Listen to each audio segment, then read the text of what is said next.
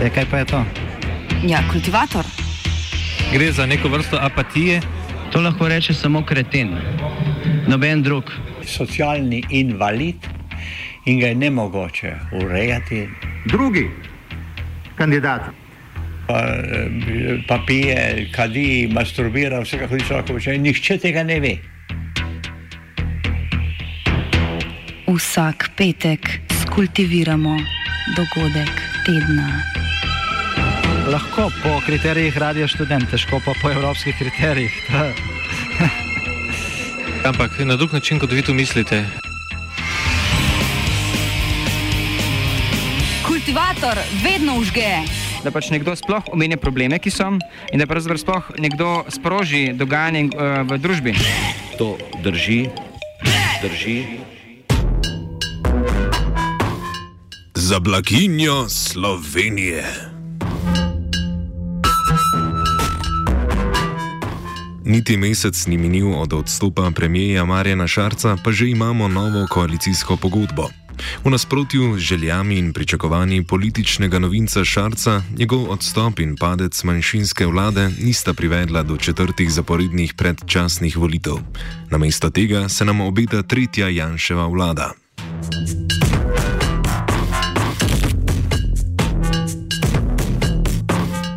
Predsednik Slovenske demokratske stranke Janez Janša je v torek ponosno razglasil podpis koalicijskega sporazuma.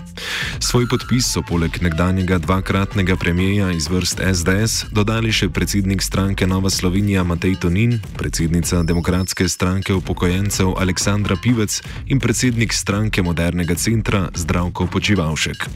Nova vlada bo tako imela 48 poslancev in s tem ugodno večino, za razliko od Čarčeve vlade, ki se je morala sprva zanašati na glasove levice, ko so jim bili njihovi socialni predlogi odveč, pa so z veseljem sprejeli tudi podporo iz vrst Slovenske nacionalne stranke Zmaga Jelinčiča.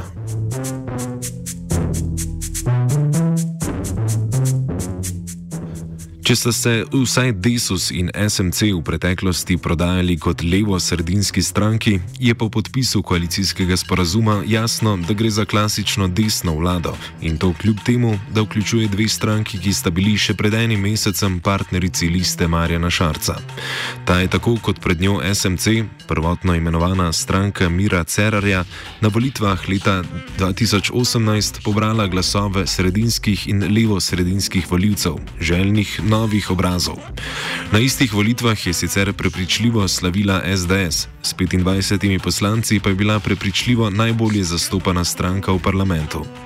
Kljub temu je Janšefobija v srednjih medijih in na političnem parketu naznanjala, da relativna zmagovalka ne bo mogla tvoriti večine. Za njo je potrebovala SMC in Desus, ki sta jo v času parlamentarnih volitev vodila Miro Cerar oziroma Karl Rjavec.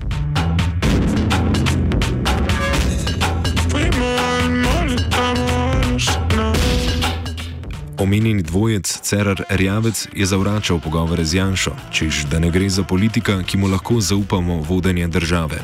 Cerar, premijer z največjim številom poslancev v zgodovini državnega zbora, med letoma 2014 in 2018 jih je imel kar 36, želi v javnosti ohranjati vides moralnega politika. Njegove politike, predvsem na področju migracij, pričajo drugače. Spomnimo. Datum je 28. februar 2020, žica na južni meji ustraja. Karl Rjavec, po drugi strani, pa je pred zadnjimi volitvami oblikoval tako imenovani Levi blok, ki je krpko razočaral in zaživel zgolj na reklamnih panojih s slikami nasmejanega Rjavca, sicer že nekdanjega koalicijskega partnerja Janše, skupaj z njegovim antipolom, ljubljanskim županom Zoranom Jankovičem.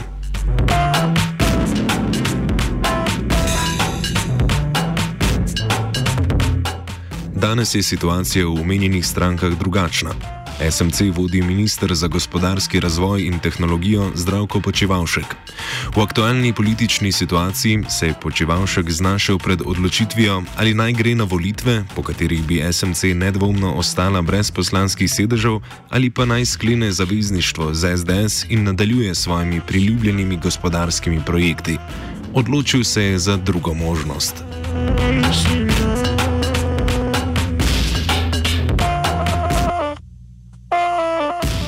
Desusu je medtem vodenje stranke prevzela Aleksandra Pivec, ki se je prav tako odločila, da je ministerski stolček ljub, njenim strankarskim kolegom pa sodelovanje z SDS tako ali tako ni tuje.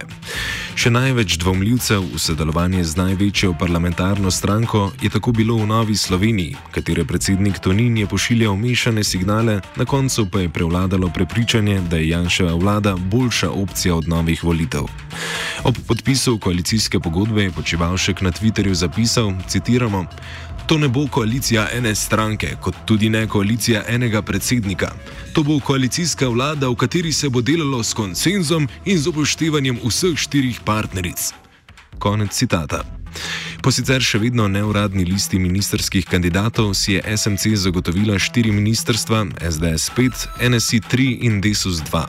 Lista kandidatov in zgolj ene kandidatke naj bi bila tako sledeča.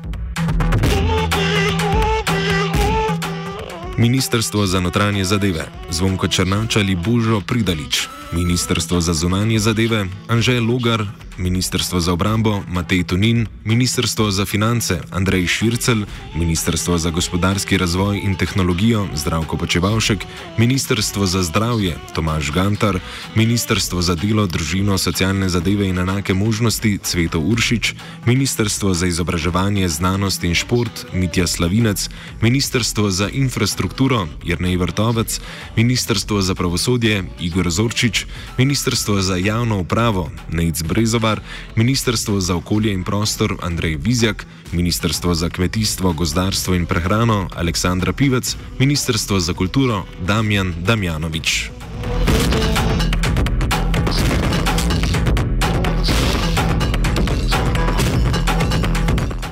Uradna verzija koalicijske pogodbe še ni dostopna javnosti, je pa zato ta lahko prebrala neuradno verzijo, predvsem pa izpostavljene točke, ki jih je za blaginjo Slovenije ponosno razglasil Janez Janša. V nadaljevanju izpostavljamo določene izmed njih. V vsakem primeru gre za zelo ohlapne obljube in koncepte. Ob branju pa človek niti ne dobi občutka, da gre za desno vlado, ki jo vodi odkrito rasistična in ksenofobna slovenska demokratska stranka, ki je v minulih letih zasedla skrajno desni pol znotraj Evropske ljudske stranke in se pridružila fašističnim strujem Evropske desnice, ki načelujejo politiki kot sta Urban in Salvini. Če kaj, koalicijska pogodba prej izraža klasične progospodarske tendence.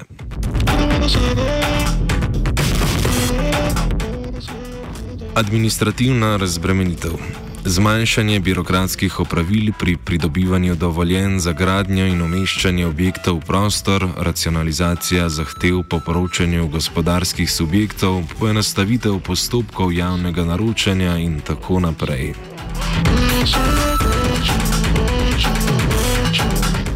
Na energetskem področju ni neposredno govora o podnebnih spremembah, je pa zato govora o sanacijskih ukrepih za, do, za zagotovitev čistejšega pridobivanja energetskih virov in drugih ukrepih za oglično neutralnost do 2025, vključno z izrabo jedrske energije ter urejanjem področja rabe geotermalne energije. Prav tako se obeta nadaljevanje skrajno sporne prakse za izovanje spodnjega toka Save za pridobivanje hidroenergije.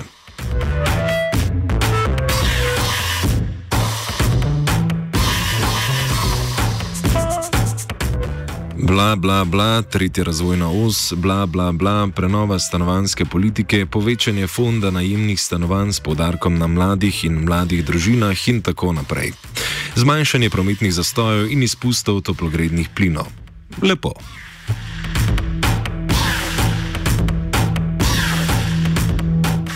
Če soditi po preteklih predlogih, je Desus zlobiral ustanovitev slovenskega demografsko-pokojninskega sklada in vladnega urada za demografijo s sedežem v Mariboru. Koalicijska pogodba večkrat izpostavi potrebo po reformi politike socialnih transferjev s podarkom na preprečevanju zlorab, prav tako naj bi bili prejemniki socialnih pomoči vključeni v javna dela. Ok, po mačarskem ključu torej. Prav tako se obljublja usklajevanje pokojnin v višini 1,5 odstotka letno za upokojence, ki so se upokojili do 2015. Vse seveda zgolj, če bo to proračun omogočal.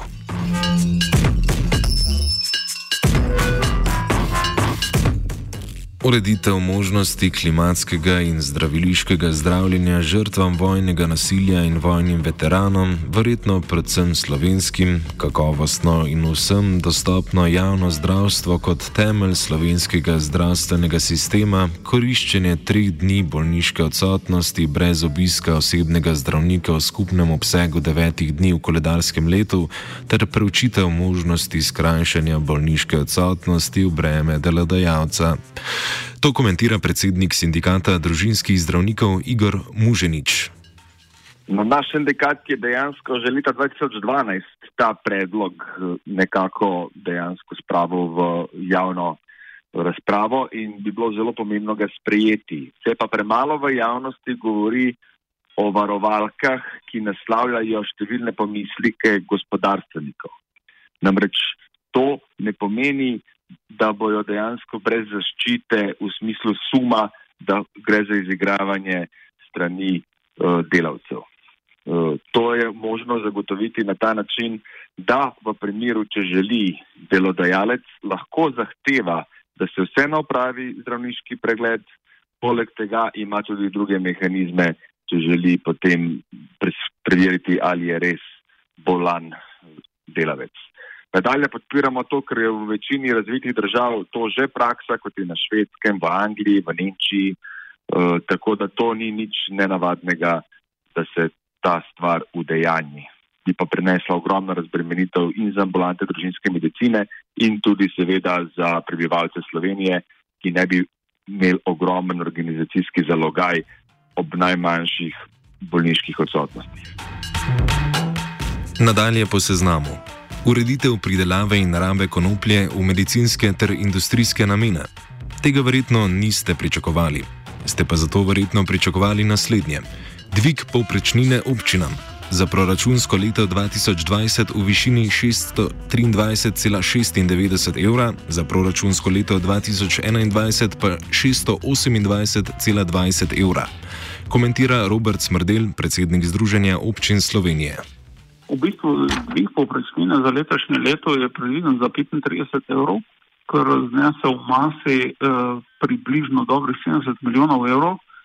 Naš predlog je bil v bistvu še enkrat višji, eh, vendar v vsakem primeru je ta, eh, bom rekel, popravek povprečnine eh, izjemno dobrodošel, ko občine lahko rečem, da smo predvsej nezavedljivi situaciji in hm, smo že v situaciji, ko rahlo hiramo. Eh, tako da bo eh, seveda to sredstva za eh, nekako poravnati najnujnejše stroške, pa tudi za kakšno upravilo, kakšne ceste, kakšno nabavo vasilskega vozila in podobne stvari, kjer se je zdaj v glavnem vrčevalo. Tako da jaz mislim, da če bo šel tak, tak tempo ali pa tak način dogovarjanja tudi naprej, da bo za lokalno samopravo to velik plus. Pogodba v več točkah ohlapno omenja tudi povečanje avtonomije občin. Kar se tiče decentralizacije, seveda v veliki meri je tukaj logika vezana na eh, formiranje pokrajin oziroma krepitev regionalnega razvoja, predvsem skladnejšega regionalnega razvoja. Naprimer, v naslednji finančni perspektivi na strani Združenja občin poudarjamo, da je potrebno razmišljati tudi o skladnem regionalnem razvoju, ne samo o nekih pravzaprav uh, takih in drugačnih projektih vezanih na ministrstva, kot je potrebno pogledati Slovenijo iz zornega kota razvojnih regij, ki jih imamo v Sloveniji 12, in uh, iskati ukrepe, uh, da bodo razlike pri razvoju čim manjše oziroma da se vsaj ne povečujejo. Uh, zdaj, kar se tiče pa avtonomije, je tudi ta logika izjemno dobrodošla.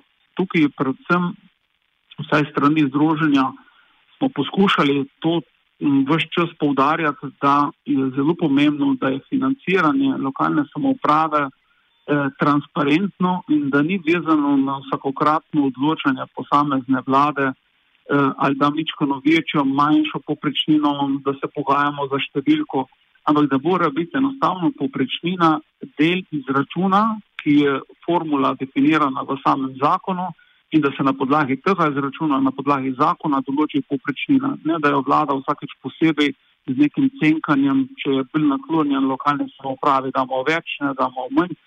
Tukaj predvsem razumemo to zgodbo ali pa logiko avtonomije delovanja lokalne samouprave. Na področju izobraževanja je predvideno uvajanje dualnega sistema v srednje strokovno in više šolstvo, krepitev vajniškega modela izobraževanja in zagotovitev proaktivnega javnega objavljanja podatkov o zaposljivosti diplomantov po programih in fakultetah po zgledu nekaterih članic Evropske unije. Govori Branimir Štrukelj, glavni tajnik sindikata vzgoje in izobraževanja. Nekatere stvari so tako odprte, da omogočajo kakršno koli smer, ki bi bila lahko tudi izrazito, izrazito problematična.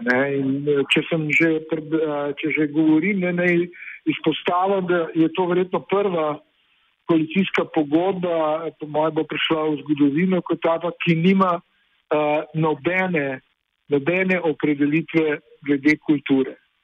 Dobesedno nobene, razen podnaslova, šolstvo, kultura in šport nima popolnoma enega samega stavka, kar je simptomatično, uh, še posebej za, če kulturo razumemo kot neko refleksijo uh, družbe. Opredelitev, ki je ponovitev iz prve vlade gospoda Janše, to je izrazito ideološka formulacija, kjer ne bi uvajali v kurikulume podjetniške vsebine. Vprašam se, prispet simptomatični odsotnosti, nič o uh, uničujočih potencijalnih posledicah sprememb okolja ne bi dali v programe šolske, ampak dali bi pa, uh, bi pa dali bi pa podjetniške vsebine, ne kar izrazito kaže na, na neko ideološko formulacijo, čeprav je bilo napovedano, da to ni uh, pogodba, ki bi se ukvarjala z ideološkimi uh, temami. Podobno kritičen je tudi Marko Marinčič iz Visokošolskega sindikata. Seveda, nekateri podarki so, eh, predvsem jih pa ogromno manjka, ne, glede na to, da je v tem, tej celotni koalicijski pogodbi marsikaj identično. Um, prejšnjim bi tudi tukaj pričakoval, da bo kdo vsaj prepisal nekatere ključne stvari, naprimer ne, to, kar se vleče že skozi več mandatov da je treba v visokem šolstvu definirati javno službo, ne, to je zahteva ustavnega sodišča, če smo že pri zahtevah ustavnega sodišča, pa tega ni notri, bi bilo mogoče brez velike škode to zapisati, tudi če ta vlada tega ne bi uresničila, tako kot prejšnje niso. Potem, naprimer, eh, tukaj recimo imamo neko točko um, dograditev um, sistema financiranja raziskovanja, če se ne motim, ne, to je popolnoma prazno. V bistvu eh, ne govori niti o denarju, ki ga nameravajo v to vložiti, eh, niti o tem, kako nameravajo sistem spremeniti, če ga nameravajo, ker dograditev lahko pomeni karkoli. Ne. Jaz bi na mesto tega pričakoval, naprimer, da bojo skušali mogoče eh, napraviti eh, red eh, na področju raziskovanja, ko vendar vemo in smo imeli priložnost zadnja leta neposredno spremljati ne, razne ne samo uh, anomalije, ampak dobesedno ne malverzacije. Tukaj imamo v resnici en sistem, uh, ki je javno financiran, ki pa je popolnoma uh, feudaliziran. Ne. Uh, in agencija za raziskovanje tukaj igra ključno vlogo. Se pa ne omenja niti z eno besedo potreba po Eh, prenovi ali pa reformi te agencije.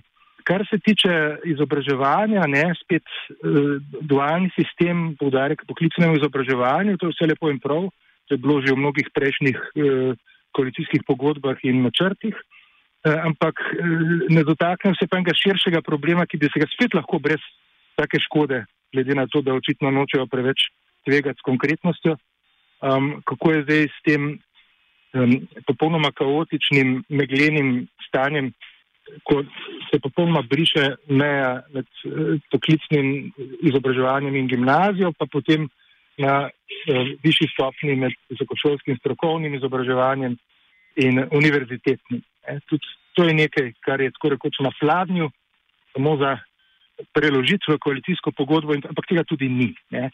Edino konkretno, kar je, pa tudi ni čisto novo, To smo vedno poslušali tudi pod tako imenovanimi levimi vladami. Skratka, to pričakovanje, da bo mogoče ugotavljati potrebe trga dela in uh, na osnovi tega, na osnovi nekih statistik, um, pač uh, usmerjati politiko visokega šolstva. To je iluzorno. V današnjem času, ko pač uh, ni mogoče pričakovati, uh, naprimer, popolnega uh, enačaja med uh, smerjo izobraževanja, pa poznejšo zaposlitvijo in poznejšimi številnimi zaposlitvami, ne, zaposlitve poklici so vedno bolj fluidni, kako to statistično kontrolirati, uh, si težko predstavljam, da sploh ne govorim o tem, da ima Evropska unija enoten trg dela in da tukaj sploh ne gre samo za zaposlovanje zunaj, znotraj Republike Slovenije in sploh ne gre samo za izobraževanje prebivalcev Republike Slovenije, ampak tudi drugih, ki prihajajo iz Evropske unije in od uh, drugot.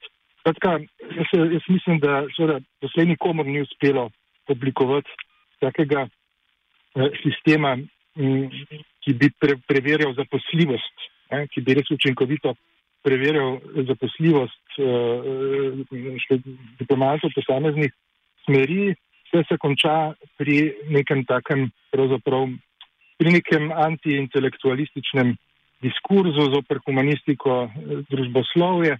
Skratka, v Sloveniji je to um, v neki skrajni obliki, kot uh, po mojem odraz naše eh, ekonomske in kulturne eh, perifernosti.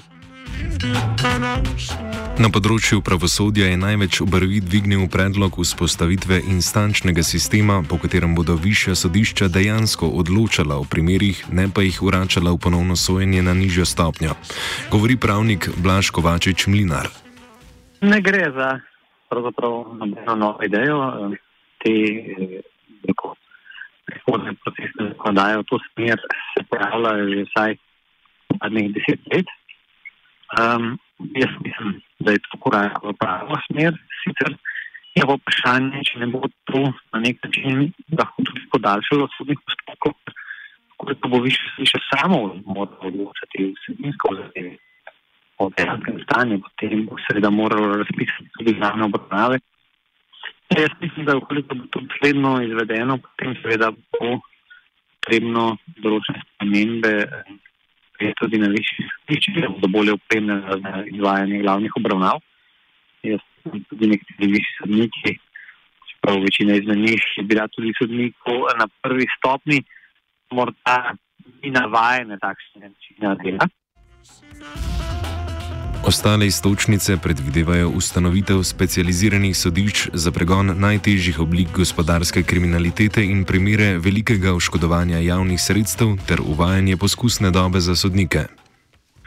Ja, gre za to, da naj bi zdaj tudi na višjih, pa tudi vrhovnih, eh, na vrhovnem sodišču sodniki imeli možnost predložiti svoje stališče v primeru, ko se ne strinjajo z večinskim in da bi to prineslo tudi večjo transparentnost pravzaprav sodniškega odločanja, kdo se je odločil, kakšno odločitev, kdo je bil proti in zakaj. Potem vidim v bolnici spornega, no, pravno sodišče, to je vse skozi način dela. Mislim, da vsaj za vrhovno sodišče to tudi ne bi smelo biti kaj prav posebno, uh, rekel, problematičnega. Jaz mislim, da doslej tako postavljeni specializirani oddelki na samih okrožnih sodiščih, ki se s tem ukvarjajo, popolnoma zadosti. Je pa seveda potrebno premisliti o določenih spremembah procesne zakonodaje v primerih, ko gre za obsežno obravnavanje tako imenovane gospodarske kriminalitete. Tako da jaz mislim, da sama se organizacijska sprememba v smeri posebnih sodišč, vsebinsko ne bo spremenila ničesar. In kaj poreče nova desna vlada na meje in migracije? Zelo malo, če primerjamo z lajanjem po socialnih omrežjih in opozicijskih in kmalo režimskih medijih, kot je naprimer SDS-ova trobilo Nova 24 TV. Predlog o uvedbi naborništva se zdi bolj kot ne PR-ovska poteza, saj zato sploh ni predvidenih finančnih sredstev.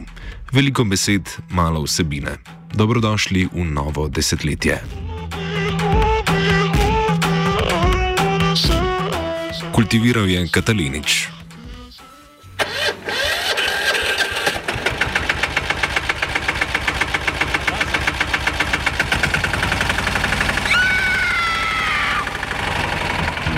E, kaj pa je to? Ja, kultivator. Gre za neko vrsto apatije. To lahko reče samo kreten, noben drug. Socialni invalid in ga je nemogoče urejati. Drugi kandidat. Pa, eh, pa pije, kadi, masturbira, vse kako človek počne. Nihče tega ne ve.